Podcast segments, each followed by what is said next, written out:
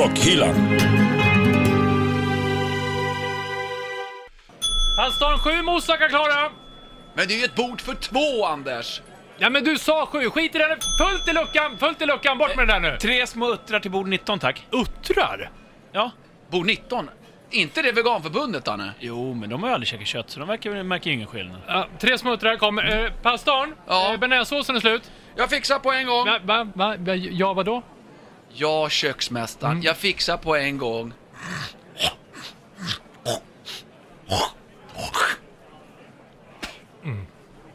Så, vispa ihop det där du. Mm, tack, Ja, det blir vispa de bra. där klumparna bara. Du, eh, Anders, har, har du tvätt, tvättar du händerna? Vad gör du? Det är klart att tvätta händerna, jag är ju kock. Tönt.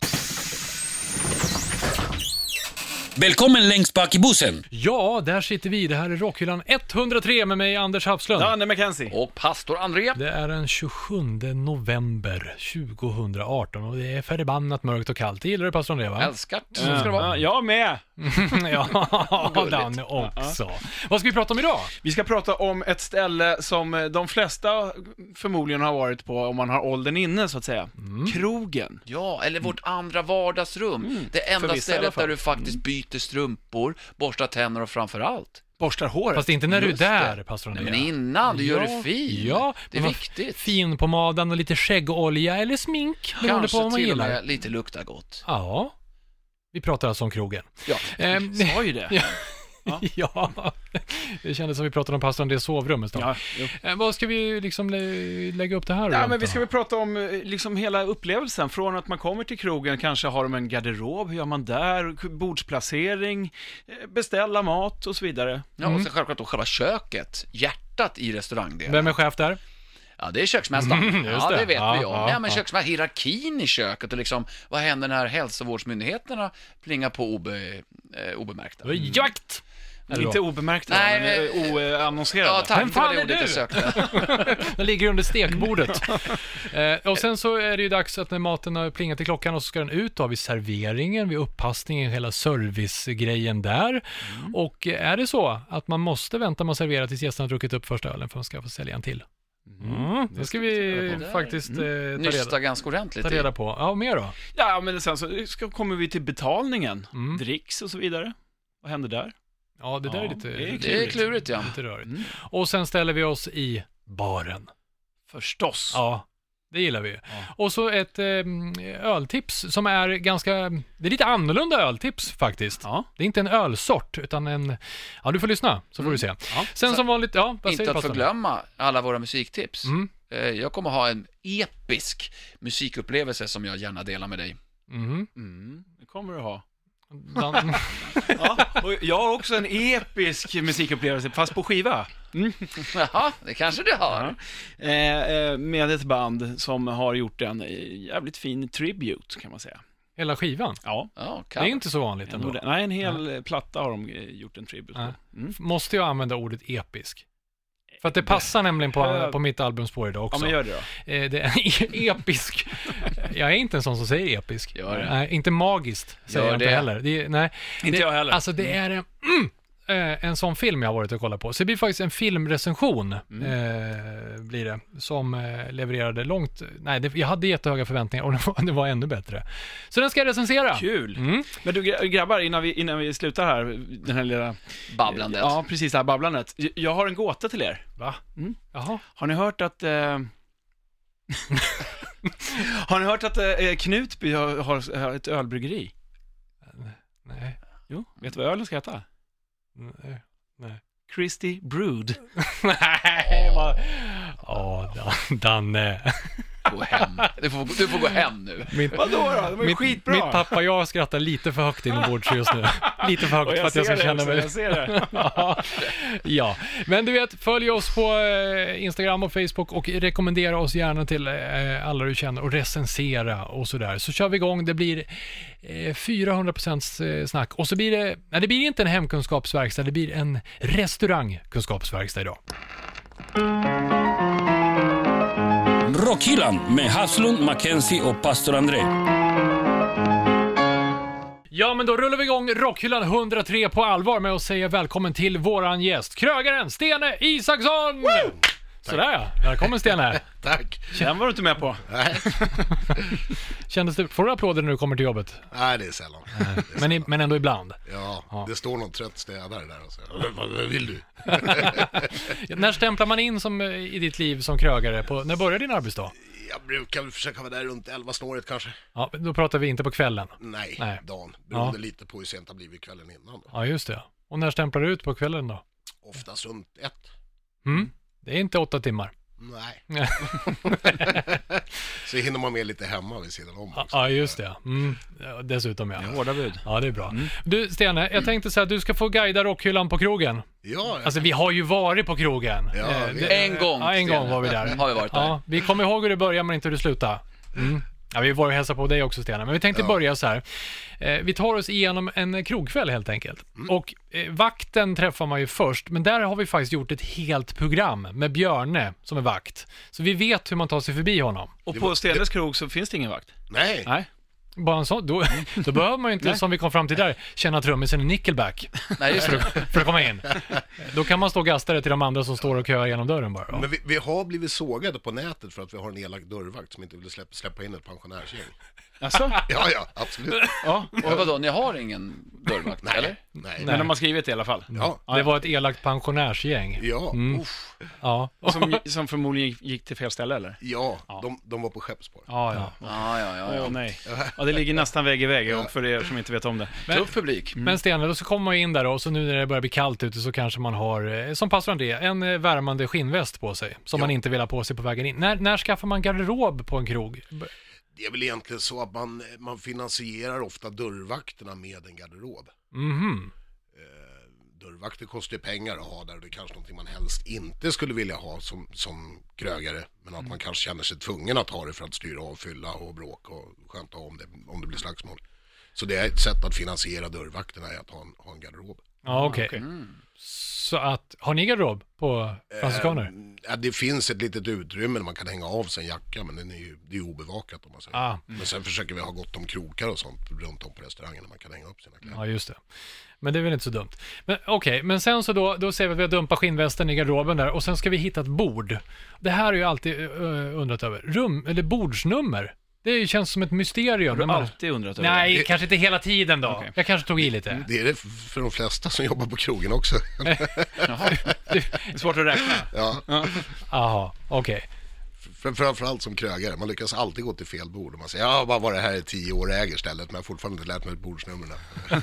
Men du, du, du eh, förser ju ändå folk med ett bord, eller hur går man tillväga? Det gör man och det första man ska tänka på när man kliver in på en restaurang är att söka upp någon i personalen och, och be om hjälp att få ett bord. Det kan ju vara så att det kö eller mm, Ja. man har bord som är anpassade för, kanske för varmrätt och annat som är för, för öl och tilltugg och så vidare. Så det, det är alltid artigt att, att söka upp någon i personalen och fråga var, var man kan sitta. Då. Så även om det inte finns en sån här pulpet med en välklädd och gärna bakåtkammad hovmästare eh, som står och eh, så, så ska man, eh, vett och etikett. Ab- absolut, Ja. absolut.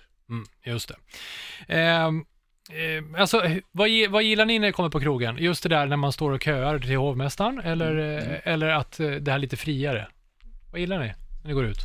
Eh, Jag, det friare, fast ja, precis, det friare skulle jag nog säga.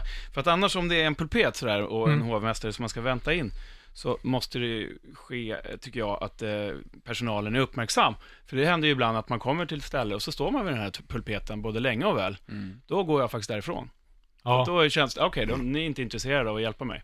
Då skiter jag i det. vi är nog lite jag. lika där med kort stubin, om man ja, inte blir sedd. men, Ja, I det- affärer det- också liksom. Service, det Ja. är A och O tycker Ja. jag. Och har man inte service, då, kan, då får de... Får det fan då vara. får det fan vara. Ja. Så är det. Jag, jag är helt med på det. Och jag Precis. är väldigt hård på det också. Ja. Det är klart man alltid försöker ge absolut bästa servicen men det är, det är inte alltid man lyckas. Nej, såklart inte. Och jag menar, det finns ju precis eh, gäster som kanske inte är de lättaste att ha att göra med heller.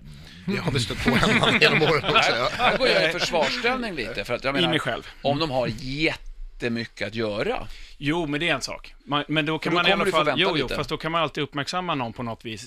Hej, välkommen. lite vinka lite, en liten nickning bara, jag kommer snart. ja du menar så? Men Ja. ibland så är det bra att man står där, man ser att de tittar på en, men de gör ingenting. Nej, och då är det ingenting. så här, vad fan. Men Stene, vad, vad säger du åt dina killar och tjejer som jobbar hos dig att prioritera? Är det liksom så här, hälsa och säga jag kommer snart? Eller för att du har ju de vid bordet som redan sitter där. Det är det, det är det absolut viktigaste, att man, man tittar upp och hälsar och säger tjena, jag har lite mycket just nu men jag kommer alldeles strax. Ja, men då räddar man ju Danne där till exempel, för annars hade ju han dragit till eh, krogen bredvid. Så där han inte blir insläppt av. Än så länge är jag inte pensionär, så jag kommer in. Ja, nej, men det där, är, det där är jävligt viktigt. Ehm, vad är det första som händer när vi har satt oss vid bordet då? Vad gör man då? Då sitter man där snällt och väntar tills, tills någon kommer och ger menyer och frågar om man vill ha någonting att dricka. Kanske presentera vad man har för, för special för dagen oavsett om det är dryckesväg eller matväg och så vidare. Men det där är trevligt det du säger, för att oftast så får man ju en meny av något slag att titta i. Men vissa vill ju faktiskt berätta eh, dagens fångst eller om det är något specialare. Så att de berättar menyn för dig. Jag, jag tycker dessutom att det är trevligt för jag tycker att det påvisar att, att krogen bryr sig. Ja. Att man har någonting speciellt för dagen som man har tagit in. Som, det, det är inte bara slentrian att allting rullar på. Men idag har, idag har kocken gjort den här rätten eller vi har fått in den här biran eller det här vinet eller, eller vi har slängt ihop den här cocktailen. Så jag tycker alltid att det, det ger ett seriösare intryck om man presenterar någonting först direkt när gästerna sätter sig.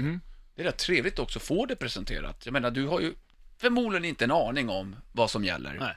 Och så är det någon med kunskap och service som berättar för. Jag tycker det är väldigt, inte artigt, men det är väldigt trevligt bemötande. Jag tycker det också. Ja, och plus att jag känner att wow, alltså oftast kan man ju gå på rekommendationer. Ja, men vi rekommenderar, Plusmenyn. ja, alltid plus. Ex, extra halv. Ja, Ja, och så får du en dipsås vid sidan av. Men Stene, det här, eh, nu är jag lite konspiratorisk av mig. Jag tänker så här, man blir erbjuden dricka illa kvickt. Det är ju jättetrevligt. Men sen hinner man ofta, säger jag, dricka upp den där bärsen lagom till dess att maten kommer in. Det är taktik va?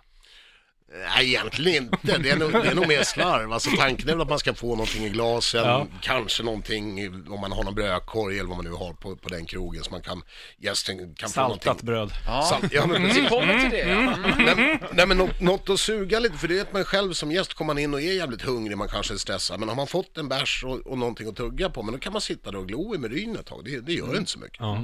Nej. Men det är nästan så jag känner så här, egentligen borde jag beställa två öl på en gång. För den första är för att jag är törstig och sen så vill jag ha en till maten. Men det känns inte så snyggt att ha två, två Ja, men det, är, det är väl lite gamla restaurangtänket också, att man börjar med en aperitif, Ja. oavsett om du pratar vin eller cocktail eller, eller bärs, så att du har en öl precis när du kommer. Mm. Och sen kanske du har, vill ha en annan öl som matchar den maten som du har beställt. Just det. Förrätt eller varmrätt. Och det vet du inte när du kommer, så då börjar det med en, en liten öl eller en, en dry eller vad det nu kan vara innan. Medan Mm. du kollar menyn helt enkelt. Just det. Drajar var länge sedan. Där får man nästan gå tillbaka till, ehm, till när man var liten, eller du var liten, att drick inte för mycket innan maten. För då blir du ju mätt. Just det. Det är därför det är så små tallrikar, eller stora tallrikar med lite mat på Ja. restaurang.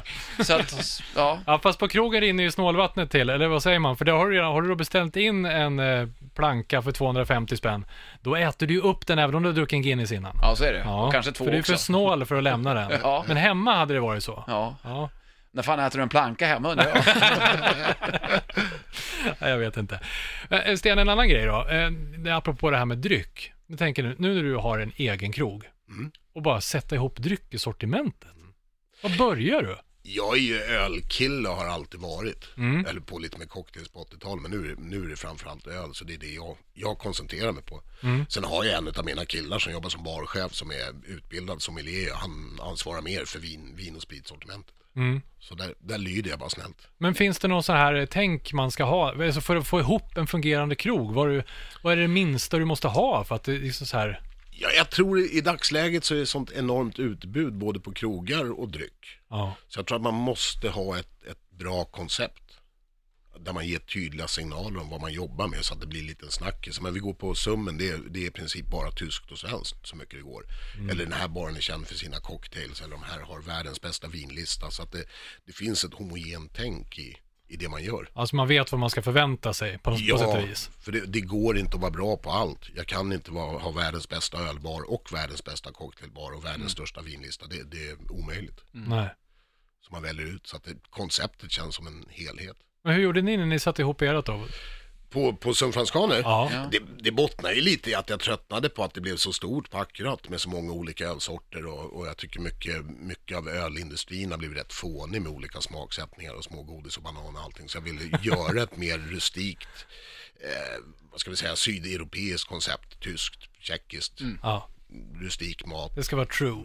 Ja, gärna säg stora glas med handtag, det gillar man. Ja, ja, ja, visst är det så. Man, man ska gärna ha lite Gåshud. ont mellan tummen och pekfingret dagen efter, Ja, för man har ja. haft sejden Ja. hela kvällen Ja. där. Känner Ja. ni igen? Nej? Ja. Oktoberfest? Men? Ah, Ah, alla sitter här och dreglar Ja, igen. Mm. Okej, men sen kommer vi fram till matbeställningen då. Eh, och som servitör, eh, hur... Eh, det här med att komma ihåg, som du säger. Det går vilse bland borden, men sen ta upp beställningar och allt det där. Det är oftast inte något problem så länge gästerna inte byter. Om, om, ja, de, flesta, de flesta jag jobbar med i alla år jobbar utan papper och penna, block och penna. Och det går jätte, du kan memorera 10-12 pers för ett varmrätt, inga problem. Men om någon säger, du, fan, jag skiter i den där rödspettan, jag skulle vilja ha Rydberg istället. Och, och gärna medium rare. Nej förresten, ta dem well done. Och man är tvungen att gå tillbaka och så någon annan, då är det helt kört. Då spricker allt. Finns det något trick för att komma ihåg? Tänk om tio pers och, och så tre rätter på det då? Jag tror det är träningssak. Ja. träningssak. Men det är klart att det går ju att alltså, träna upp också. Vissa kanske har trick, jag har inte. Ja, den logiska följdfrågan är ju varför skriver de inte ner på en gång? Det är nästan rörigare för då kommer du fram till kassan sen och så kollar du på det här jag har skrivit och så, så vad, vad fan står det för Ah, okej.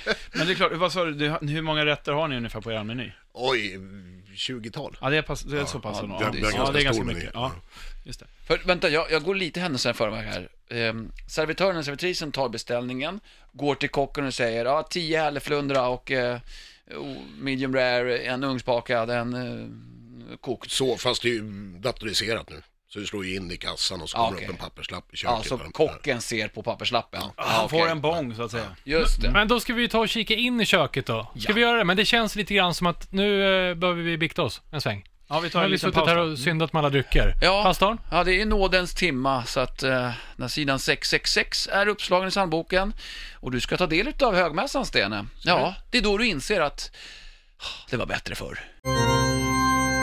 Pastorns psalm.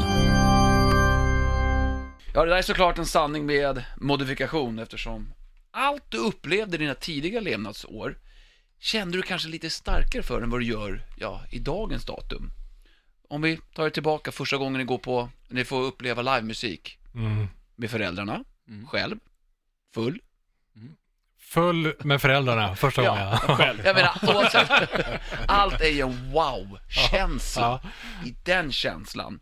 Sen kommer åren och de går och du blir den där tråkiga farbrorn som står lite längre bak i publikhavet och smådiggar, håller takten med högerfoten och kanske lägger till lite trumfil i luften trots att du har en bira i handen. Och så mellan låtarna ska du försöka klappa så det blir så lite halvdant bara istället. Mm.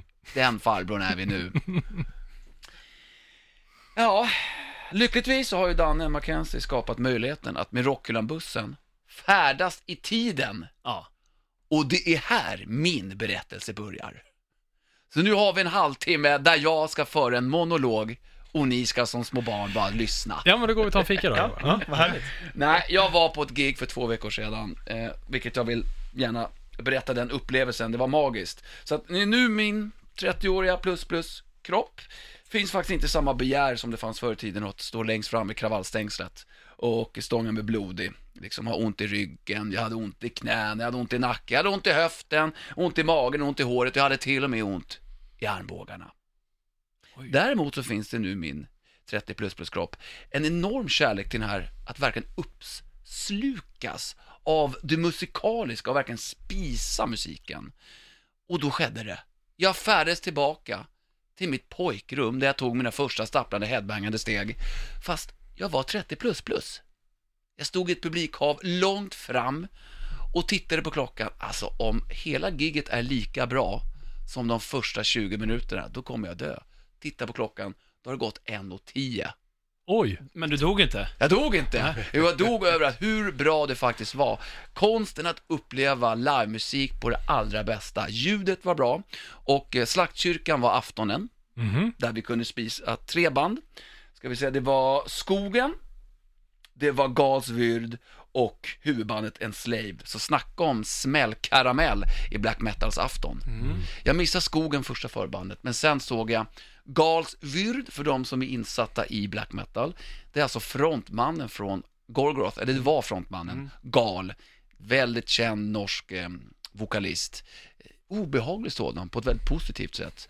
Hans blick är så död, så när han stirrar på dig så önskar du bara att jag vill inte vara här.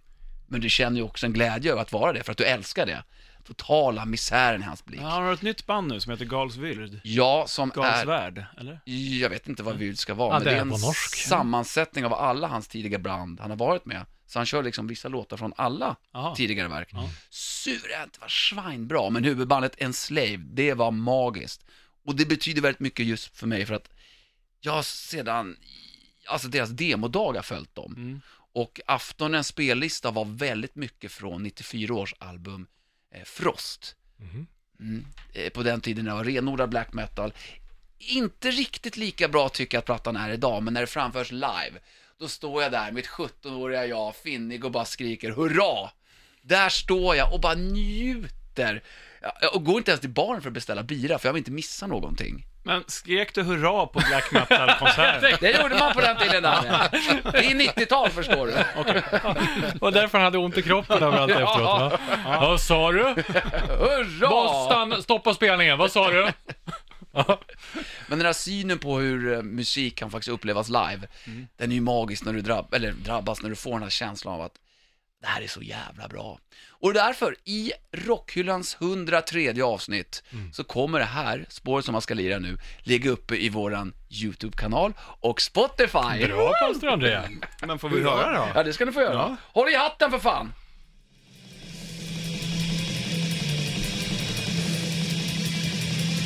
Det här är tidigt 90-tal. Hurra! Det monotona, älskar det.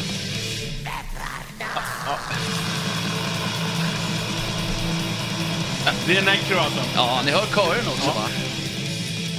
Det är till och med att det är synt. Va? Det gillar du? Men vad fan. Din sjuka Syntådran har tagit över. Ja, jag säger som Danne, hurra. Mm, Vad hurra. hette låten sa du? Eh, Det är låten Vetranot från en Slaves debutalbum, Viking Lir Väldi. Rockhyllan med Havslund, Mackenzie och pastor André. Vi tar oss tillbaka in, i, eh, tillbaka in på krogen i värmen igen ifrån den kalla slaktkyrkan eh, med pastor Andrea. Eh, sen är vi tillbaka hos dig Stene. Ja, Eh, nu har vi fått följa med in i köket, det brukar man inte få göra annars. Nej. Det här med hierarki är någonting som jag tänker på när jag säger kök. Är det så, um, jag på säga oavsett, är det lite hierarkisk miljö? det kan det nog vara, men det blir värre och värre ju större krogen är. Ja, det kanske måste vara så. Ja, du har ju, all, du har ju alltid en köksmästare som bestämmer och det är han, han som får, får ta smällen när, när saker och ting inte går som det ska. Så Mhm. då måste ju naturligtvis de andra kockarna och, och även diskan lyssna på dem. Ja, just det. Men, men vad är det minsta man behöver? Ja, det är en kock kanske, bara. Ja, är det riktigt litet ställe så klarar du det på en Ja. gubbe. Ja. Det är klart. Men vad, när börjar man liksom behöva bygga ut personalstyrkan? Vad, vad behöver man? Vad har du på, på SUM?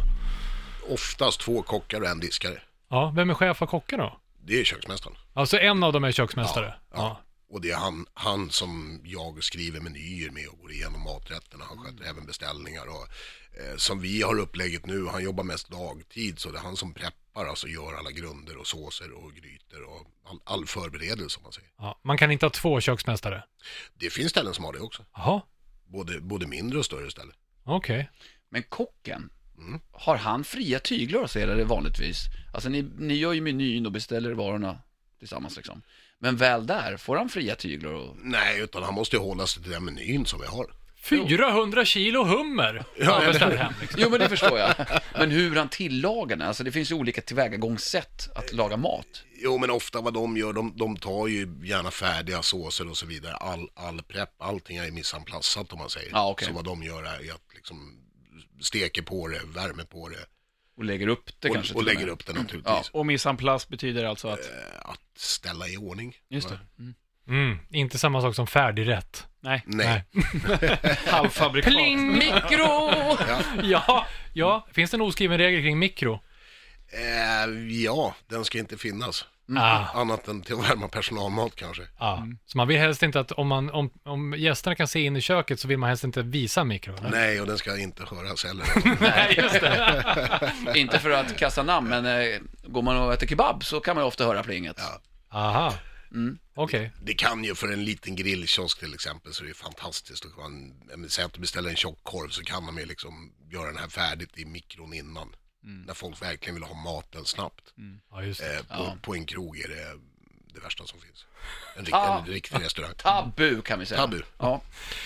Men, Skönt. och sen det här med, med timing då. För, alltså mina favoritkrogar, säg att man åker iväg, det har, jag tror inte jag varit med om det i Sverige någon gång, men det, det bästa jag vet när man får vara med om, det är om man är tio personer i, i sällskapet, och så beställer man in, och sen efter en kvart så får jag maten, eh, efter en halvtimme får min fru maten, och sen så efter 45 minuter får barnen maten. Det gillar man ju. Nej, men alla får liksom fokusera på en åt gången som äter vid bordet. Det är ändå trevligt. Ja, men Danne, vad gott det ser ut. Så gillar du det? Ja, så kan man prata om det. Ja, men time, det måste vara skitsvårt. Eller? Händer det där så är det någonting som har gått fel. Så, Ja. Så det, det ska ju tajmas. Det andra kulturer, Asien till exempel, där är det vanligt att de bär in maten den, den turordningen den blir färdig. Ja, det där- var, där det bru- var faktiskt från Asien som jag tänkte på. Ja, det var det. Men, ja. men där är det ju vanligt att man delar maten också. Jaha, så det var vi som inte fattade. Ja, nej, precis så är det. Det var du, Anders. Det här var min... Uh, Dela maten, det där, det går inte. här. Joey's food. Ja, ja, ja. Ja, Mitt i mitt. Men alltså hur går det till? Håller man... eh, Hur fan funkar det? Alltså det tar ju olika... Ja, ja det är fingerfärdighet jag på säga. eller? Ja, det är, ju, det är ju kockarna helt som, som avgör och vet hur lång tid de tillagning det är på de olika sakerna. Ja. Och det är klart, vill du ha en jättestor köttbit well done, nej, men det tar ju, det tar ju lång tid. Då får man börja med Andreas eh, sallad lite senare. Så att Ja, inte den precis. hinner vissna. Precis. Det är då man, då folk, alltså ens kamrater som är där vid bordet, om någon tar som tar lång tid, Mm. det är då man hör suckarna. Åh, jag tog ju det här som tar två minuter och Mm. du skulle ta det där. Just Ja, det. då är det 30 minuter. Ja. Och sen har vi den där tajmingen igen också, att eh, serveringspersonalen måste säga till att nu är ölen slut, så nu kan ni komma ut med maten. Det var ju det vi kom fram till förut. Ja, Så man precis. hinner beställa Ja. den andra Just först. det. Ja, det har vi bestämt. Och så gärna vänta tills alla gäster har maten, f- munnen full med mat innan man frågar om det smakar bra. Ja, ja, just det, det är ju självklart. Mm. Det är som tandläkaren. Ja, Ja. Känns det bra gubben? Men berätta om dig själv lite. Ja, just. Men, ja, Men, men eh, egentligen som du sa, eh, kocken som planerar och beställer hem allting. Eh, det är också eh, det här med, med svinn, alltså hur mycket man slänger. Hur fasen, hur får man Beräkna ihop sånt, det ja. där? Mm. det är där utmaningen ligger, framförallt nu när krogbranschen, och det har ju alla, alla klagat på att det är väldigt ojämnt nu för tiden. Alltså att folk går ut olika mycket. Ja, precis. Och det, det slår väldigt ojämnt på olika dagar. Ena veckan kan onsdagen vara lugn och torsdagen jättemycket och sen veckan efter så är det tvärtom. Mm. Nu är det ofta så kort tid så att maten håller i alla fall. ja. Kanske ännu svårare för lunchkrogarna, de som har speciella rätter för varje dag. Och det är svårt att få omsättning för Ja, buffé. Så nu har jag Ja, gjort just det. 50 kilo pyttipanna och så kom det bara 10 pers. För Ja, att, och så ska du ha något annat dagen efter. ja, mycket matlåda då eller? Mycket matlådor. Ja. Ja men vadå, vad, vad får man göra med maten? För det där är inte heller helt klart. Det, eh, om krogen gör mat så det blir för mycket över. Ja, har, alltså, har du varit, varit ute och stått i rumstemperatur länge, då måste du slänga det. Okej, men du får inte ta hem det själv? Ja, det får man göra. Ja, det, det är okej. ja. Okej. Sen är det, det är upp till krogens policy. Jag har hört talas om krogar som har policy att man inte får ta hem mat, men det Och vad ska det vara bra för? är ingen. Nej. Det är jättedåligt. Och det finns ju även de som jobbar ideellt med att köra ut det här till hemlösa och så vidare. De åker runt till krogar och samlar upp mat Det som, måste vara en som bra ska idé. slängas. Man får det alltså? Ja. Jag har fått för mig att det av någon regelverk som Sverige har, att man inte får göra det. Inte vad jag har hört om annat. Nej, för jag tänkte om man ska gå så här, Ica eller storbutiker, de får ju inte slänga mat, även om det är så här pasta som har gått ut. Eh, Så måste de slänga den, de får inte ge bort det till någon. Men är det en lag eller en policy från för, företaget? Ja, just det. Så kan det. Ja, jag, jag låter det vara osagt, men det skulle inte förvåna mig om det var en lag. Ja. Alltså kött, gammal köttfärs fattar jag att man inte ska ge bort, men pasta håller ju ett år efter att ha gått ut liksom. Ja, men precis. Det är... Jag ska inte svära, vi, vi, vi jobbar inte på det sättet Nej. just nu så jag ska inte svära på det. Men Nej, okej. jag, jag vet att det har funnits förut och jag har blivit kontaktad tidigare utav sådana organisationer. På. Men, bra gjort ändå. men Stene, hur, hur gör du då? Du ligger ju ganska nära Djurgårdsfärjelägret. Så Mm. jag tänker mig att, eh, märker du av om det är en bra konsert på Grönan? Absolut. Ja. Hur gör du när du planerar? Kollar du typ konsertkalendern och gissar om det är många i din mål, alltså som du tror kommer till dig och sådär? Eller, eller inte så? Rock, rockers gillar öl. Ja, Är det Veronica Maggio, då märker vi ingenting. Men är det, är det, är det Alice Cooper, då har vi fullt. ja. Men så ni Men sitter så och kollar kalendern lite grann. Vad händer i stan och i krokarna? Eller? A- absolut, det är man tvungen till. Ja. Ah, Okej. Och då menar jag tvungen då för att förbereda kanske en extra personal? Extra personal, extra mat, extra öl. Ja. Och vi är ju ganska nystartade om man får säga så fortfarande. Det, krogen har ju funnits länge men det var ju inte så mycket folk där innan. Så för oss står det ju väldigt ojämnt om det, om det är evenemang i närheten. Om det Ja. är, eh, kan vara julmarknad i Gamla stan eller konserter på Gröna Lund och så vidare som, som påverkar. Man får ha koll på omgivningen helt enkelt. Absolut. Men Gör vi lite reklam här innan bara. Det är Skeppsbron i Stockholm vi, eh, man hittar. Jajamän, Skeppsbron 44. Ja, vi ses där. Vi har ju varit där allihopa. Ja, oh, Ja. Eh. Sten, jag tänkte på en annan grej. Det här är lite grann med kontroll och hygien och allt det där. Eh, hur funkar det med hälsovårdsmyndighet och sådär? Har, har man årliga eller flygande inspektioner eller hur, funkar det där? Både och, de kan komma både anmälda och oanmälda. Ja. Och Och de kommer ju- oftast när det är som minst, eller mest att göra med det. Det kan vara så, jag tror att vi har klarat oss ganska bra än så länge. De, de vi har haft, de har anmält innan. Ja, Okej. Och det var ju ganska dåligt skick innan vi tog över. Så de, eh, Själva lokalerna? Eller? ja, precis. Och Ja. köket och allt var väldigt slitet. Så vi har ju renoverat och gjort om mycket och det, det tycker de är bra. Positivt. Ja, Och har man, har man en bra inspektör så jobbar man ihop. Man har en dialog och, och löser problem. Mm. Ja, har man en det. dålig så blir det bara nedslag. Och då, Ha. Så ni skulle inte vara oroliga om, åh, vad heter han, Eh, den arga kocken, eh, britten, Gordon. går de? Gordon Ramsay skulle komma. Nej. Nej. För, han svär ju ganska frisk, det gör han. Han är skulle bli mycket. utslängd. Han skulle, bli, han skulle inte komma in. Nej, ja, just det. Ta inte förbi vakten som inte finns. Nej, vi, vi skulle nog klara hans test. Jag tror dessutom att han är en mjukis egentligen. Ja, ja. Det, där, det, där Det är bara TV. Han är bara tuff på ytan. Ja, ja. På tv-ytan. Det är inte som vi killar. Nej, exakt. exakt. Hörni, vi börjar, närma, vi börjar närma oss ett av våra favoritställen. Eh, baren eh, ska vi ta oss till. Där händer ju mycket kul. Vi ska ta och servera lite käk och sådana grejer innan, men ska vi slänga in lite musik? Eh, Har du något i skivbacken, Mackenzie? Ja, det har jag. Hurra! Ja, hurra, då kör vi då. Mackenzies freeback. Igår var jag ute på en grej. Då var det den 26. Ja, det är möjligt. Mm. Jag var på Lars Vegas julshow. Ja, Sprit i farsan! ja. den skulle vi gått på allihopa i. Rockhyllan. Ja, men ni ville inte följa med när jag köpte biljetter. Eller när jag fick biljetter så fick, fick inte ni följa med. Eh, det var bara en liten parentes. Jag tänkte säga att det var jävligt bra och jävligt kul Visst eh, spelade du Lars Vegas i eh, Rockhyllans julspecial förra året? förra året. Ja. Mm. Mm. Lyssna på den. Jajamän. Eh, Lars Christmas heter julskivan som de körde. Och skoterljuden. Ja, det är en fantastisk skiva. Snotrix. Eh, mycket, mycket trevligt. Men det var inte det jag skulle prata om. Nähä. Jag, jag ska snacka om en annan skiva som släpptes 1973 av ett band som heter Pink Floyd. Som heter Dark Side of the Moon. Och eh, förra året så eh, var det ju, kan inte räkna, var det 45 år sedan, typ? Nej. Mm. Kan det vara För, det? förra året var det 45 år sedan, det Den var släpptes. 1972. Ja, skitsamma. Eller vad Det blir var i alla fall... Det var länge sedan. Det var länge sedan. Och de, det är ett band som, som har, kallar sig för Doom Side of the Moon. Som har gjort en eh, tribute på den här plattan. Det låter tyskt på något sätt, men jag Nej, tänker på den där filmen. Ja, nej, fan det är inte tyskt alls. Det är Nej. Mhm. väldigt eh, amerikanskt. Det finns ju ett band som heter The Sword. Eh, tre av snubbarna därifrån och så lite andra eh, hejdukar har, har ju start- startat det här tributebandet då, som heter Doom Side of the Moon. Och spelat in hela Dark Side of the Moon-plattan i eh, hårdare versioner kan man säga. En hel coverplatta, alltså. Ja, och Det de känns gör, lite eh, unikt. Ja, Stort. och, stort. Och det är jävligt doomigt och eh, jävligt coolt som fan. Jag Så har de med det. både, det är ja, men ett helt vanligt band, bas, trummor, gitarr, sång såklart. Men sen så har de lite, eh, Synt. Ja, de har orgel och eh, blås på vissa blås. Oh, jävligt snyggt. Så kolla in den här plattan, gillar man Dark Side of the Moon och vill ha det lite tuffare ibland, så kan man ju sätta på den här som en litet eh, alternativ. Kan vi inte få ett smakprov här? Jo, vi tar en litet eh, smakprov på eh, Money, en eh, låt som eh, Sten precis påpekade att den går i femtakt. Höj nu för fan, så.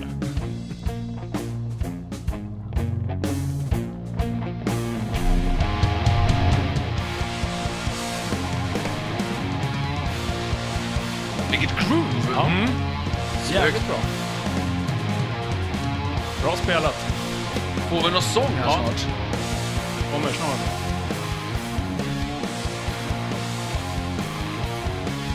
Låter gott. Låter fint. Ja. Det är samma produktion som Enslaved tidigare.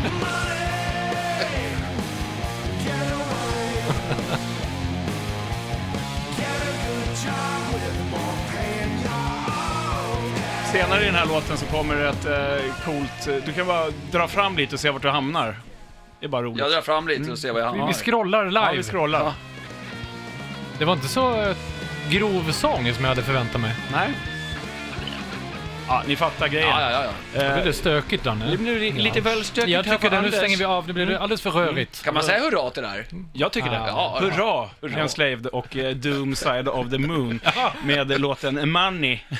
Var kan man hitta det här på någonstans? Spotify och i våran YouTube-kanal. Hurra! Ja. Rockhyllan. Det låter som Bob Dylan. Ja, vi rullar vidare med Rockhyllan 103 där vi har Stene Isaksson eh, på besök. Krögare som du heter på, hittar på Zoom Franciskader. Och när du inte pratar, eh, Stene, då låter du faktiskt så här också. Ja, Ja. Vi hittar, vi lyssnar in det på Spotify. Ja, det här är grävande journalistik. Ja, Då fann vi Stene. vad heter den? Better, better to take a stand, heter den låten så? Nej, det här Nej. låten heter I won't ever go back. Snyggt Stene. Tack. Ja. Så låter det. Om vi Fan. säger att det här är från tio år gammalt. Ja, Det låter bekant. ja. Grymt. Så kom det en skiva till för så fem år sedan. eller någonting. Det ska vi lyssna mer på. Ja, verkligen. Eh, Stene, nu är maten klar i köket. Ja. Eh, det plingar klockan då? Ja, Ja, okej. viktigt. Mm, eh, och då är det ju det här med serveringen och eh, lite grann upppassning på gästen. Mm. Vad tycker du att, hur ska, hur ska det vara? Det där är ju en liten balansgång alltså. Jag tycker när man bär ut maten, ja för det första ska man kolla så att det finns dryck. Den drycken man kanske vill dricka till maten ska ju redan stå på bordet då. Mm.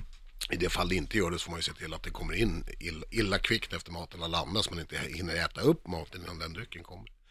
Eh, framförallt tycker jag att man ska vänta ett par minuter kanske tills gästerna hunnit smaka på förslagsvis allt på tallriken och sen ska man naturligtvis smaka om allt är, eller fråga om allting är till belåtenhet om det smakar bra. Komma ut och smaka själv. Ja, Får se. Blir... ja. Vad sägs som bra? Nej men det kan ju vara allt ifrån att det inte är varmt eller det är fel stekgrad eller att någonting har gått fel eller att man behöver mer salt eller vad som helst. Så det, och, och bara artigt att gå fram och fråga så att man visar att man bryr sig. Att, mm. Tyckte du om det? Ja det var jättegott. Får man sätta sig ner vid bordet? Personal? Ja. Eh, det kan vara trevligt men det kan också vara jättefel. Ja. Beroende på krog, krog naturligtvis och sällskapet. Ja. Vissa tycker säkert att det är jättetrevligt och andra tycker att det är mm. jobbigt. Men jag måste fråga en sak där med, med maten bara, i, i, innan vi går in på baren. Mm. Ja, det ska vi till sen. Ja. Ja, för jag tänker så här, eh, jag är ju ganska hungrig av mig och ofta när jag är på, på restaurang så blir inte jag mätt. Kan man, får man be om backning eller? det är nog olika från krog till krog Ja. också. Och lite vad du, vad du har beställt för någonting. Mm. Eh, jag menar, viss, vissa beställer ju en liten förrätt och så tycker Ja, ja, att ja. den, de... Men nu snackar vi huvudrätt här. Jag tänker att om jag vet att jag är hungrig så käkar jag inte jag en liten förrätt bara. Och tänker att nu vill jag ha mer av den här. Men jag tänker att många gånger så kan, kan det vara, kan det vara en ganska lite mat på en stor tallrik. Och så tänker jag så här, vad fan, det här kostar 350 spänn. Ska man på riktigt bli mätt på det här? Någonstans måste väl det vara syftet, att man ska bli mätt av Ja, en in, inte på alla krogar. Jag har varit och käkat nio rätters avsmakning och stannat på korvkiosken på vägen hem. Så Men inte Jag det, vad, vad tycker du om det? Tycker inte du det Nej, är jag tycker det blir fånigt. Ja. Eh, Men det är ju en balansgång man måste gå. Jag hellre att man kanske skickar på lite extra till de som vill ha. Men må många, är, när man går ut och äter, inklusive jag själv, tycker om att äta kanske en förrätt, en varmrätt och en, en dessert också. Jo, men då, ja, precis. Ja. Och är, är varmrätten för stor, ja, men då spricker det. Då orkar man inte äta upp. Nej, Jag brukar i och för sig fråga, tror du att en vuxen karl blir mätt på det här? Ja. Ja, men, men, då, är det- då är det ju ofta, ja det blir det, och sen så efteråt så, nej men det blev jag ju inte. Men ju finare, alltså ju, vad ska man säga, så här Michelin-krog liksom. Där är det ju inte stora burdusa portioner, utan det ska man äta med ögat. Du ska helst ha ätit innan du gick dit. Mm. Så att du Jag bara hade kan en- njuta av smaksensationen med det här glaserade ölskummet som man har ovanpå Mm. den friterade sockerärtan. Ja visst, det är jättefint. det är jättefint. som du säger Danne, eh, ja, kanske, beställer du hummer så kan du inte begära en till hummer för att du inte är mätt. Nej men det är väl klart. Nej. Nej det fattar jag. Nej, det är som att vilja ha en större kohud på golvet. Men du kan ju faktiskt säga innan. Fast nu tycker jag ni motarbetar Nej, jag mig. är helt på din sida. nej, nej. Innan kan du säga, du, jag är en stor bredaxlad karakar, jag behöver mycket föda. Var inte rädd för att slänga på extra. Nej men sen beror det väl lite på vad som ligger på tallriken också. Ofta så har du ju, det du säljer är den exklusiva råvaran, om det är nu en hummer eller om det är oxfilé eller en köttbit. Så den väger man ju ofta upp och räknar ut priset på det. Och är man väldigt stor i maten, någon ber om en extra portion, då kan man slänga på lite extra potatis och sånt just som, är, som kanske är billigare råvaror men lite mer i förädlingsvärdet på dem. På. Men det är bra också att man inte häller för mycket för svinnets skull. Absolut. Eh, för de, många blir ju nöjda av eh, det de- som Ja, serveras. väldigt lite. Ja. Ja, Ja. eh, medan då vissa behöver mer och då tycker, jag, tycker jag Att det ska vara alternativ, att man ska kunna få mer potatis, alltså Visst, den visst. typen av råvaror. Men om man, som Danne då, som förekommer, för du vet så här, du, jag vill, du vill ha mycket mat. om du Ja, säger så här, ja. Stene, fan, jag kan jag få lite större portion? Jag är, jag är lite stor i maten. Eh, liksom så här. Ska man förvänta sig att det då är, är plus 50 spänn på? Alltså, ska, kostar det mer då? Jag Bara för man ber om Man det? kan nog göra det på många krogar. Mm. Jag skulle nog ta det lite från fall till fall beroende på Mm. hur, hur stor man är. Vissa människor väger 250 kilo och kan äta fyra varmrätter. Ja, det är klart. Och då, då blir det ju fel. Ja, Ja, det är klart. Men man ska ändå inte ta det för givet att det blir samma pris om man säger att man ska ha, jag vill ha en eh, dum, större portion. Nej, jag tycker inte man kan göra Nej. det i och med att priset är ju satt på hur mycket mat som ligger på tallriken. Ja. Det, är ju, det är ju uträknat. Ja, ja. Tänk Men om- ja. jag tycker att schyssta krogar kan ändå slänga på lite, lite mer. Framförallt till Danne, för han är ju en trevlig kille. Mm. Ja, där, där håller vi inte med Johan. Nej, inte jag heller faktiskt. Men jag tänker också när ni sitter där och eh, ni, ni frågar, ja men vad önskar ni liksom, ni precis har kikat i menyn. Jobbar ni aldrig med merförsäljning på krogen? Om någon säger så här, men vi vill ha huvudrätt. Ja men ska vi inte ha en trerätters va? Jag personligen är allergisk mot det. Ja. Och Pressbyrån till exempel, de jobbar jättehårt med det här. Jag undviker ställen som verkligen försöker slänga på mer saker hela tiden. Alltså vanliga affärer, du menar inte bara restauranger? Nej, och restauranger är ännu värre. Ja. Pratar man dessutom alkohol så är det olagligt. Det får man inte göra nu. Nej, just det. Ska du inte ha en tolva? Ja, precis. En till bira Fan, kan det är du fredag, grabbar. Fe- Fegis. fegis. Ja, det är olagligt. Ja. Nej men sen är det aldrig något fel i att upplysa gästen om att det finns. Vi, har, vi har en jättefin förrätt här eller du kanske ska ha en liten dessert men att när man börjar propsa på att folk ska köpa mer, jag tycker det är fult och obehagligt. Har ni upplevt det, killar ute? Fast det kan vara med riktig fingertoppskänsla. Alltså, Ja. det, det kan ju vara någon så här som man känner så här genuint brinner för sin mat och så bara, ni får inte missa kladdkakan, den är så jäkla bra. Det är ju, det är ju mer försäljning. Jag är en sucker, jag tar den direkt. Ja. Säg det. Ja, men det är ju ett sätt att sälja in det på egentligen. Absolut. Eh, Fast du, är ju inte, du kränger ju ingenting. Varför Utan gör du inte det? Nej, fast du upplyser ju egentligen gästen om att det finns. Fast det är ju för att att man ska kränga det. Såklart, men det finns olika sätt, tillvägagångssätt ja, men kliv in i en bilaffär. Alltså den här Ferrarin, den är fantastisk. Jo, förvisso.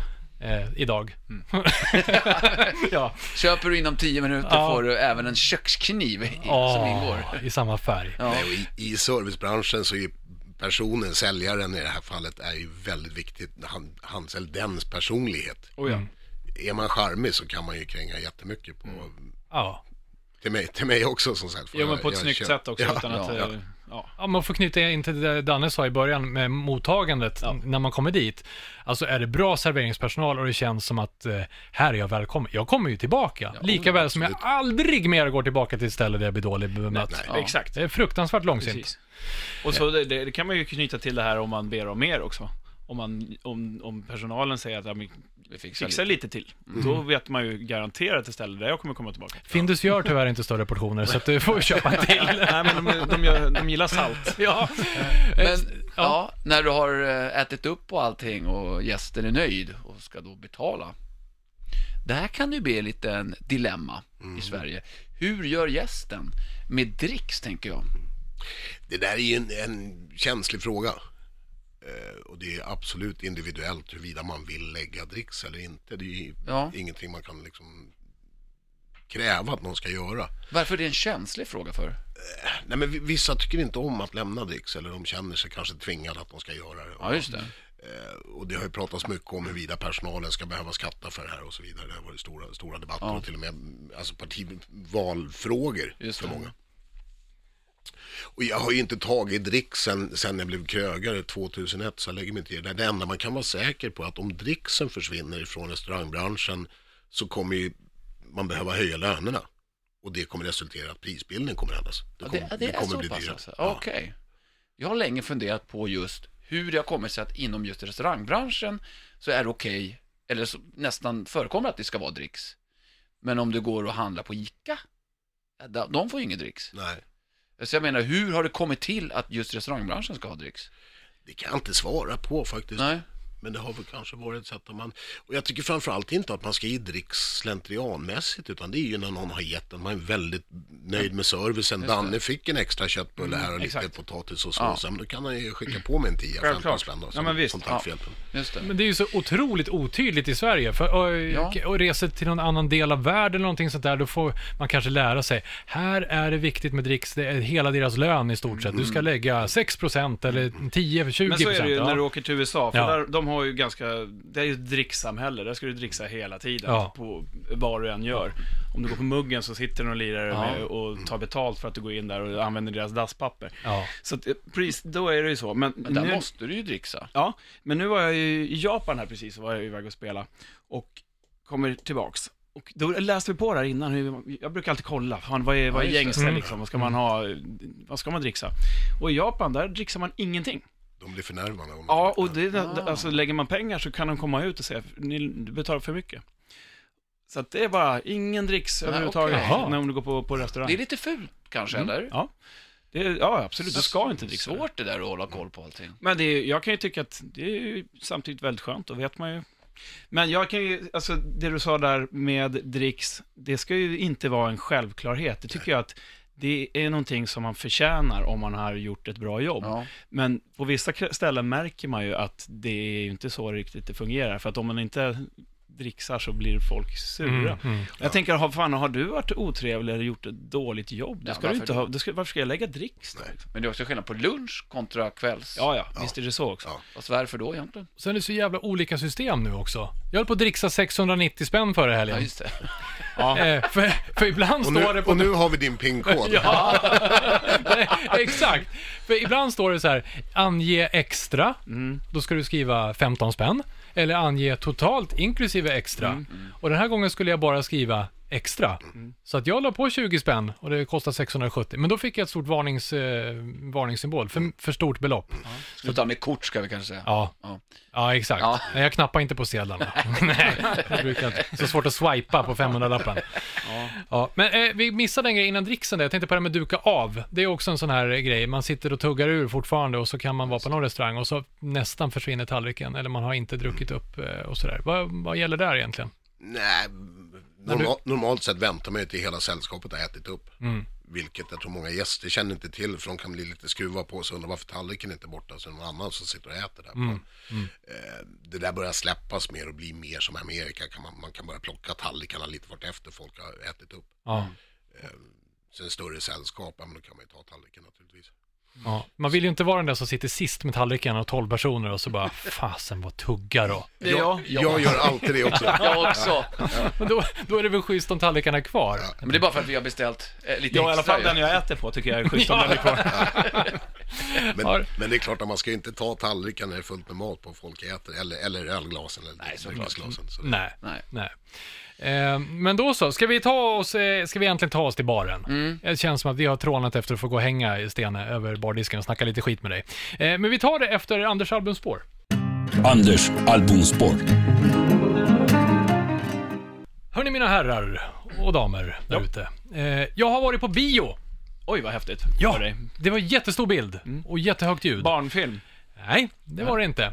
Eh, Vuxenfilm? Och det här, mm, nej, inte riktigt det heller. Eh, Det bygger, eh, det är liksom antiklimax i den här filmen, är ett gig som jag och min kompis Jägar-David av någon anledning har kollat på när vi varit på krogrunda och gått hem till honom, han bor i Örebro då. Då har det här gigget åkt på massa gånger för att det är så episkt frontmannaskap Mm, jag tror jag du eh, ska det handlar om. Eh, det här handlar om att visa hur man äger en publik ut i fingerspetsarna. Så det här gigget, när jag såg att den här filmen kom och visste att det liksom kulminerar det här gigget, så bara, eh, vi måste se det. Så jag åkte till Örebro, så jag och Jägar-David gick och kollade på det här. Eh, och det han, på filmen? På filmen, och den är, det är såklart Bohemian Rhapsody. Ja, ja. Filmen Men varför i Örebro? om Queen. Ja, han bor där. Jaha, Ja, okej. Jag så- tänkte, den visades bara Den där. visar bara i Ja. Örebro. Det, eh, Freddie Mercury var ju för övrigt från... eh, från ja, det är inte så många som vet, Från men han Bri- bodde- Åtvidaberg. Ja. Född där Ja, faktiskt. han hade ju revy på slutet av sin karriär där, som inte så många vet. Ja, men det var ju väldigt kul. Eh, och jag blev, ja, alltså Queen har ju funnits med liksom sådär, med att jag har gillat Freddie och hantverket i låtarna, men jag är inget stort Queen-fan eh, så, men jag älskar ju hans scennärvaro och allt det där. Så jag har, hade inte riktigt detaljkunskaperna om Queens historia. Eh, men den var förbannat bra. Vi, alltså, vi hade gåshud eh, under den här filmen. Ja. Eh, och mm, liksom, det kändes som publiken bara satt där och bara andades in det. Alla som, har, som jag känner som har sett det har liksom gått härifrån. Vilken jävla rulle! Eh, Så jag tyckte den var fantastisk att få följa eh, sådär va. Sen efteråt så insåg jag, när jag läste på lite grann, att de har ju gjort en grej som jag inte gillar. Det är att de har twistat historien lite grann. Men det är klart de gör det i en film. Ja, fast det är ändå en film. Den är ju ändå liksom av Jo, den är- dokumentär ja, den är. Fast den bygger på en dokumentär hän- händelse. Ja, men, men jag utgick från att, för helt plötsligt, vi åkte ju hem efter krogrundan, efter den här, vi hade varit på bion, så åkte vi hem och kollade på Live Aid 1985, när Queen då har blivit inkastade mitt bland alla gigantiska artister. de var ju, ju typ- också gigantiska. Ja, precis. Men det hade ju, eh, som filmen spelar upp det så har det varit ett eh, rejält break och väldigt dekadent break där Freddie jobbar på någon soloskiva i Schweiz eller något sånt där. Mhm, det är mycket pulver och, och sprit och jävligt dekadent och dålig stämning och de träffas på skivbolagskontoret och liksom förenas igen. Mm. Eh, jag vet inte om det är en liten spoiler alert här. Men det, det handlar om att, alltså, som de bygger upp det så har Freddie fått eh, sin eh, HIV-diagnos. Då redan? Ja. Ja, just det. Han dog 91 va? Ja, eh, det var ju nu i helgen som gick. Han och Eric Carr, 24 november. Just samma, Jättelänge sedan, dag. 91 sa Ja, jag. ja, i ja helgen men dödelsedagen var nu i helgen som gick. Eh, så att vi åkte hem, kollade på den där med helt andra ögon. Fan, Freddy har vet att han liksom är döende och de har precis återförenats. Och sen så läste jag på om filmen. Då fick han ju sannolikt veta typ två år efter det här giget att han hade hiv. Aha. Så det hade de gjort. Okej. Och eh, det verkar inte heller riktigt stämma att de hade varit helt mer eller mindre ifrån varandra, utan de hade ju giggat lite tidigare samma år. För han var lite så här kraxig i rösten, bara, "Ja, men jag ska få ordning på mina bitchy vocal cords till imorgon, det är bara 400 miljoner som tittar. Så Han spänn... var, han var väl sjuk va? Febrig och... Ja, jag vet inte. Men det framställdes som så att han var, att han var sjuk inför. Det kanske stämde då.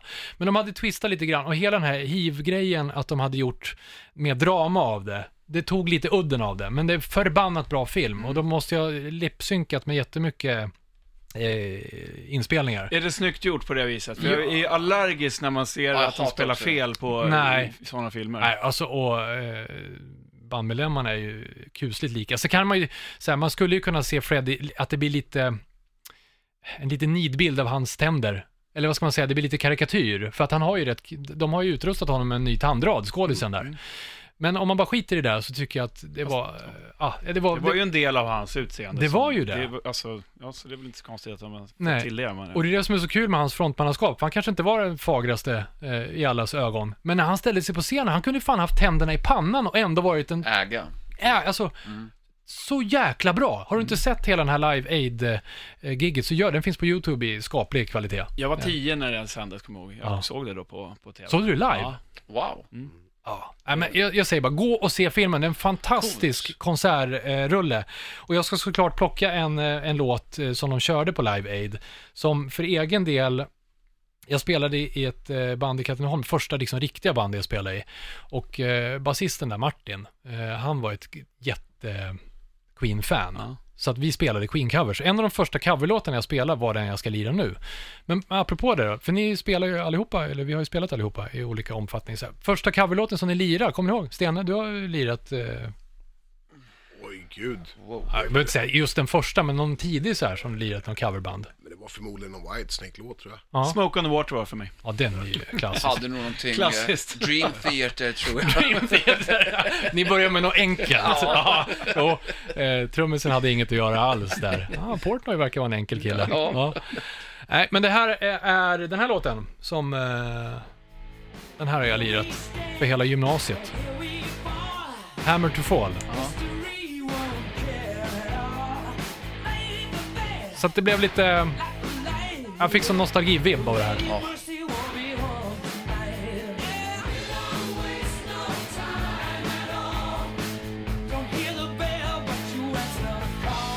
Från, eh, ja, från The Works, som kom året innan då. Eh, den ligger ju flera bra låtar på. Han har ju en Radio Gaga och I Want to Break Free.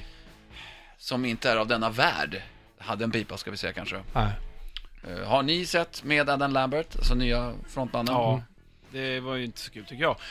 Han gjorde det bra, Ja. fast jag tycker inte att... Jag såg det på Sweden Rock för några år sedan. Jag tror vi såg det tillsammans Ja. kanske. Och jag tyckte inte att det var kul alltså. Aha. Nej. Det är svårt med Queen utan Freddie Mercury Ja, som ja, är som... och sen så var det lite annat. Alltså, det blir så här, äh, massa solon och skit. Jag tycker det är sånt, varför? varför? Liksom ett gitarrsolo som håller på en kvart och så ska de ha trumsolo och sen så kommer trummisens son upp och ska spela trumsolo. Nej men det är så här, men lägg av. Mm. Det blir inte bättre.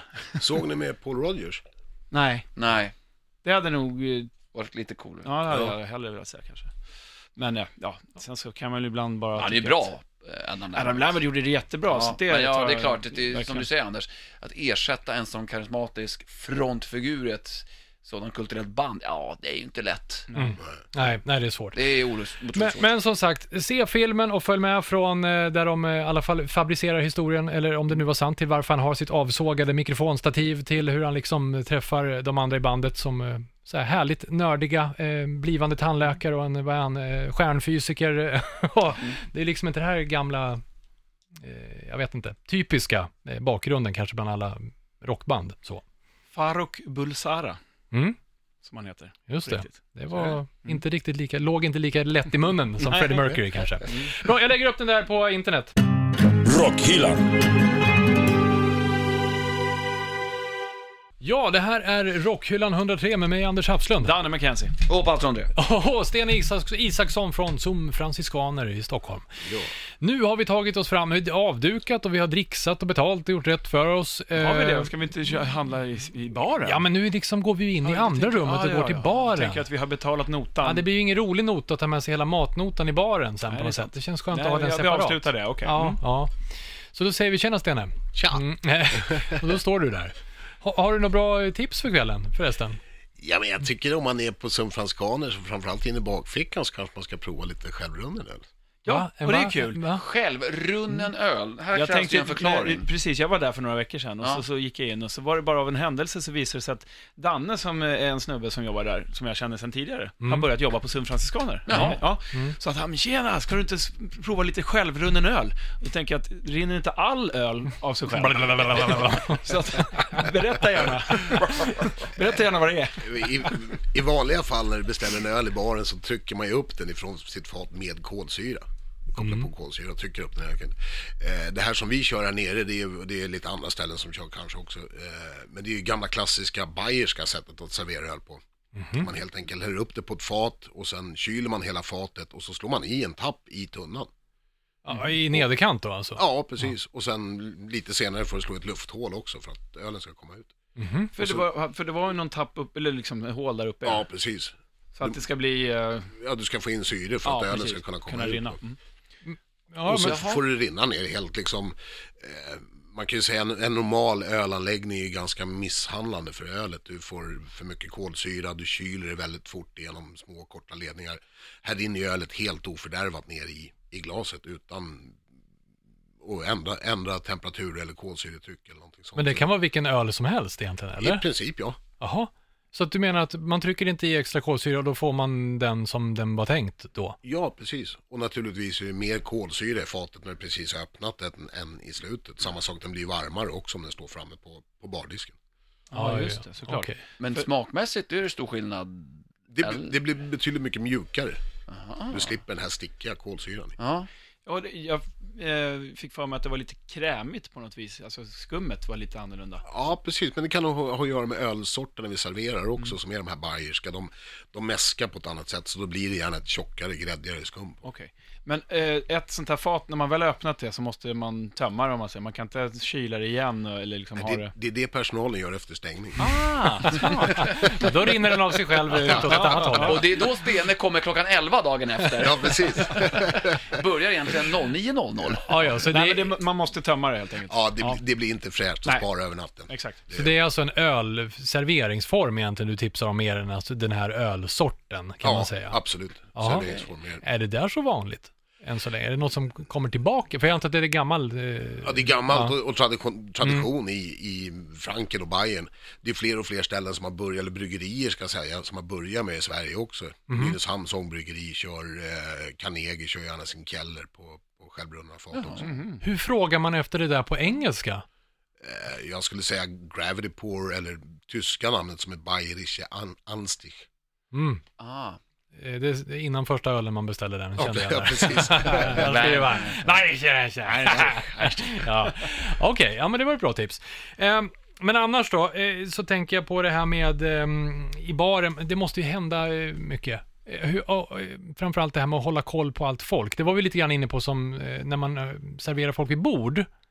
Men sen är det ju det här som vi alla har gjort, man står och viftar. Och så ska bartendern förhoppningsvis vara lite rättvis med vem som ska, vilken ordning man ska ta folk i. Ja, det kan ju vara svårt om det är jättemycket att göra. Ja. Men när man är duktig bartender så måste man försöka ha lite koll på i vilken turordning folk kommer. Mm. Vissa, vissa tar ju de som skriker högst först. Man får alltid för att bli av företräda om man viftar med en 500 eller hur? Ja, Om så man står längst bak och viftar med cash va? Det Eller kort, kortet kan Ja, också funka. Ja. Gillar, du, gillar du det? Nej, inte Och gärna, så mycket. hörru, hörru. En busvissling brukar funka bra. Det är jättebra. Nu, nu för tiden är det ju lite lugnare i de barerna. Det var värre på ja, 80-talet när man jobbade på nattklubb. Då kunde det vara lätt hysteriskt med 40-50 pers som stod och viftade för, samtidigt. Mm. Så, men nu, Men hur, hur fan håller man koll? Har du något system? nej, man går, man går på rutin bara. Men Det är väldigt bra du säger det här. Om man är på en, en nattklubb eller vad det nu är, en väldigt hetsig klubb av något slag eller bar. Då har jag märkt väldigt många gånger att bartendern har ju supermycket att göra. Tittar aldrig någon i ögonen. Nej. Aldrig. Är det ett trick då? För att tittar du någon i ögonen, det är för att bekräfta att du får hjälp strax. Ja, absolut. Ja, Absolut. okej. Så det gäller då. Det är som man tittar på intervjuer, alltså sport, stora sportstjärnor. De tittar ju aldrig personen, alltså reportern och journalisten i ögonen. Tittar ju alltid, alltid snett neråt. Ja. Ja, nej, men det gick jättebra i matchen alltså. Ja, vi vann ju. Precis, och så ska man alltid börja sitt svar med nej. Nej. Nej, men, Alltid. Nej, men jag är nöjd med matchen. Det gick, vi vann. Jag gjorde nio mål, så nej, jag är Det är ju för att man inte vill ha följdfrågor på samma sätt som att du inte vill ha följdbeställningar just då, kanske för det är många Ja. andra. Trick. Ja, Bra. Ja, jag gillar det. Vad är det- Alla trick är bra. Vad är det värsta som kan hända i en bar, Stene? Det måste ju hända saker ibland. När något går åt helvete, det gillar vi. Nästan allt kan hända. Mhm. Jag, jag vet, det, det jag kommer att tänka på nu, det är väl just om man pratar om de här självrundarna faten. Jaha. För de kan ju bli ganska explosiva om de har, eh, du, ja, men du har fått en sekundär jäsning i fatet på ett eller annat sätt. Jaha. Och det, när, när du slår i tappen i det där, det, det ska ut. Du kan inte göra Då någonting. sprutar det det. sant? Då sprutar det. Oj. Och det har vi, det har vi varit med om några gånger. Oj då. Alltså det är en kvast som står rakt upp i Det är taket. en kvast, ja. Mm. Det går inte att göra någonting. Lycka. Och då är det hela fatet i princip som åker ut? då? Halva oftast, beroende på hur, hur högt övertryck det är. Ja, Hoppsan, jävlar. Jaha. hoppsan. Och då är det fatet inte något att ha då, eller? Oftast inte. Nej. För ofta har det jäst att kanske någon bakterie eller någonting så har surnat på. Mm. Men jag har varit med om att ölen har varit helt felfritt också, bara att det har- det har jäst för kraftigt efteråt. Hur, hur stora är de här faten som ni har till det där? Mellan 10 och 30 liter. Okej. Kul att du sa att ölen har surnat. Hur ofta har det inte hänt att du har surnat på, Ölen? nej, på, eller på um, gäster? Det har måste nog- ju ske dagligen eller? Ja, det har nog hänt många gånger under åren, men det är väl Ja. också i, i, med åldern så kommer ju också en, ett större lugn skulle jag vilja säga. Mm. Så nu är det bara om folk är riktigt jävla dumma som man blir sur. Nej, för det där gässen har alltid rätt. Det kan ju inte stämma. Nej. Det är ju bara bullshit. Nej, inte bara bullshit, men det är mycket. Jag menar, det måste ju ställas så mycket krav och det måste spela så mycket Allan, speciellt efter att ha fått i det två innanför västen. Ja, det är väl framförallt de där som säger att du, jag jobbar också i bar. Mhm. Åh, de, älsk- det är bara, de vill man bara ge en kram och aldrig släppa. mysigt. Men sen, inte för att någon av oss här någonsin har varit med om det, men vi frågar åt en vän då, när man blir nekad i baren.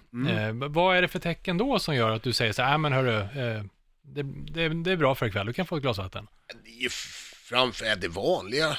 Svårt att gå, finmotoriken är borta, det är svårt att prata utan att sluddra. Och, och där är det ofta svårt att sätta fingret på, men det är ju 20, 30, 40 års erfarenhet Mm. som säger att jag tror vi på krogen har ofta mer erfaren- erfarenhet än vad till exempel polis och myndigheter har. Men det där är ju också lagstadgat, vi är tvungna att, att följa det där och inte servera. Och det, lagtexten säger den som är märkbart berusad. Wow, det måste vara jättesvårt. Ja, men vem fan är inte märkbart berusad? På krogen, På krogen. ja. Det som- går ju ut på Har du druckit? Ja. Ja. Nej. Eller, du sålde just en öl till mig. Har du druckit den? Ja, då får du gå. Ja, vad säger man? Ta ett varv runt eh, Kvarteret. restaurangen. Ja, det får man ju, och det där är ju också ett, ett utmärkt sätt att kolla om de verkligen är för fulla. Om jag säger du, hur mycket har du druckit? Du kanske ska ha ett glas vatten här. Blir de jävligt förbannade, då vet man att då är de för fulla. De som säger, ja det har nog rätt i, kan jag ta ett glas vatten här? Men då får de dricka sitt vatten och så kanske de kan ta en öl till. Och sen det där som du sa förut, det är olagligt med, med, med merförsäljning i baren alltså. Ja, absolut. Sexa, fan ta en tolva, den är godare då. Absolut, det är, ja, För halva priset. det, är, det, är, det är fängelsestraff på. Är det så? På den som dricker, ja. Nej. Men, Men, men även där ser jag att det, det har förändrats mycket de senaste 10-20 åren. För 20 år sedan då hade du jätteproblem med om, om du stek av någon som vill säga att de inte får mer att dricka, att det blev världens bråk och diskussioner och allting. Eh, jag tror att allmänheten börjar förstå nu också att det är inte en laglig rätt att supa sig full på krogen, utan man, man lyssnar och hackar i sig det. Att, ja, Okej, Steka av. steka av. Ja. Ja, det är bra. Jag ska säga, jag jobbar också i bar. Du behöver inte steka av mig igen. Vi hade, vi hade en skåning som var på och praktiserade, det var när jag jobbade på, eller när jag hade Akkurat. Eh, så vi sa, du, bara så du vet, de där grabbarna där borta, de har vi stekt. Och så pekade vi, och han där borta har jag stekt, och han där har jag stekt. Och så, han tittar så konstigt, och visar på skånska så betyder stekt att sätta på. skitkaxigt. Ja, ja, stek. Alltså, är väl snyggt. Jaha, var det en sån bar? Men vad Stene, om vi ändå ska snacka dricks, vi gjorde lite när vi satt eh, vid middagsbordet. Har du fått någon sån här monsterdricks någon gång? Av en, av, till att börja med, en nykter person alltså, som tyckte att wow. Så att det inte är någon som är dyng karatefull och bara kastar Nej, men pengar. oftast de gånger man har fått sådana sjuka pengar eller någon ha ihjäl så har det varit någon typ av sinnessjukdom eller, eller Ah, okej. fylla eller det är ingen i sina sinnesfulla bruk vill ge mig pengar. Men de kunderna, eller gästerna måste ni älska. jag tackar aldrig, tackar aldrig ja. Nej, jag fattar. Det, det går inte. Nej, jag förstår. Hörrni, vi eh, gjorde ju ett eh, liten start på Rockhyllans egen restaurangguide på eh, våra eh, Facebook och Instagram. Eh, har vi, ska vi kolla vad Rockhyllans lyssnare har tipsat om för krogar eller restauranger att gå på i, i vårt avlånga land?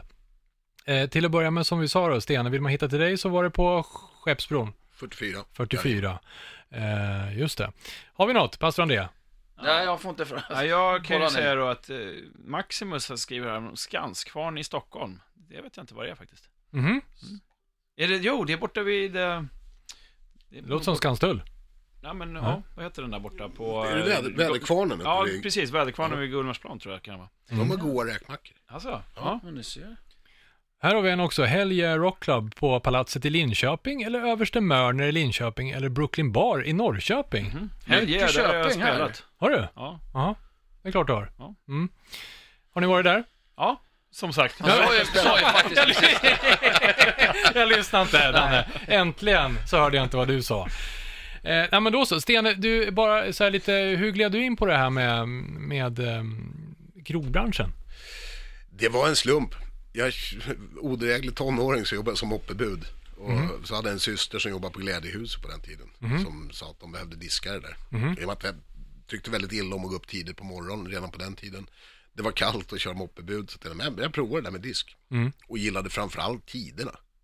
Och sen har man ju alltid gillat det här lite också, men det är lite musik, det är lite festligt och allting sånt. Man älskar när föräldrarna hade fest, så det är väl kanske en förlängning på det, men jag trivs i krogmiljö. Jag fattar. Jag kan relatera. Ja, eller hur? Och sen kommer lite skaparådan också, man tycker det är kul med matlagning och, och bärs och allting sånt också. Och se vad det är uppbyggt av. Och, Så det var ju från tonåren, du har hållit på så länge i krogbranschen. jag började precis när jag fyllde 18. Det är fyra år sedan. Ja. Helt sjukt. Fantastiskt. Han har haft två krogar han drivit. Ja, det är helt sjukt. Eller är det fler? Nej, det var Nej. värt.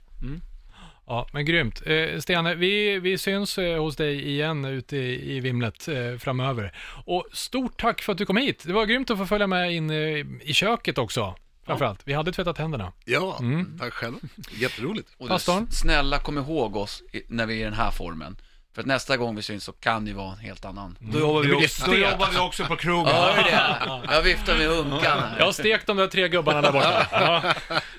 I Skåne.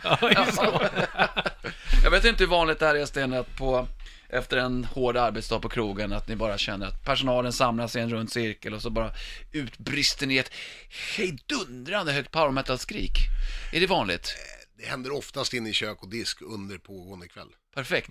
Då vet du hur vi ska göra precis nu. Vi ska kräma ur allra sista ur Rockhyllan 103 avsnittet genom, eh, med dunder och brak. Avsluta med ett powermetal-skrik. Skrik hur högt du vill, skrik hur mycket. Gör inte som Anders och var tyst. Jag räknar ner. 3, 2, 1.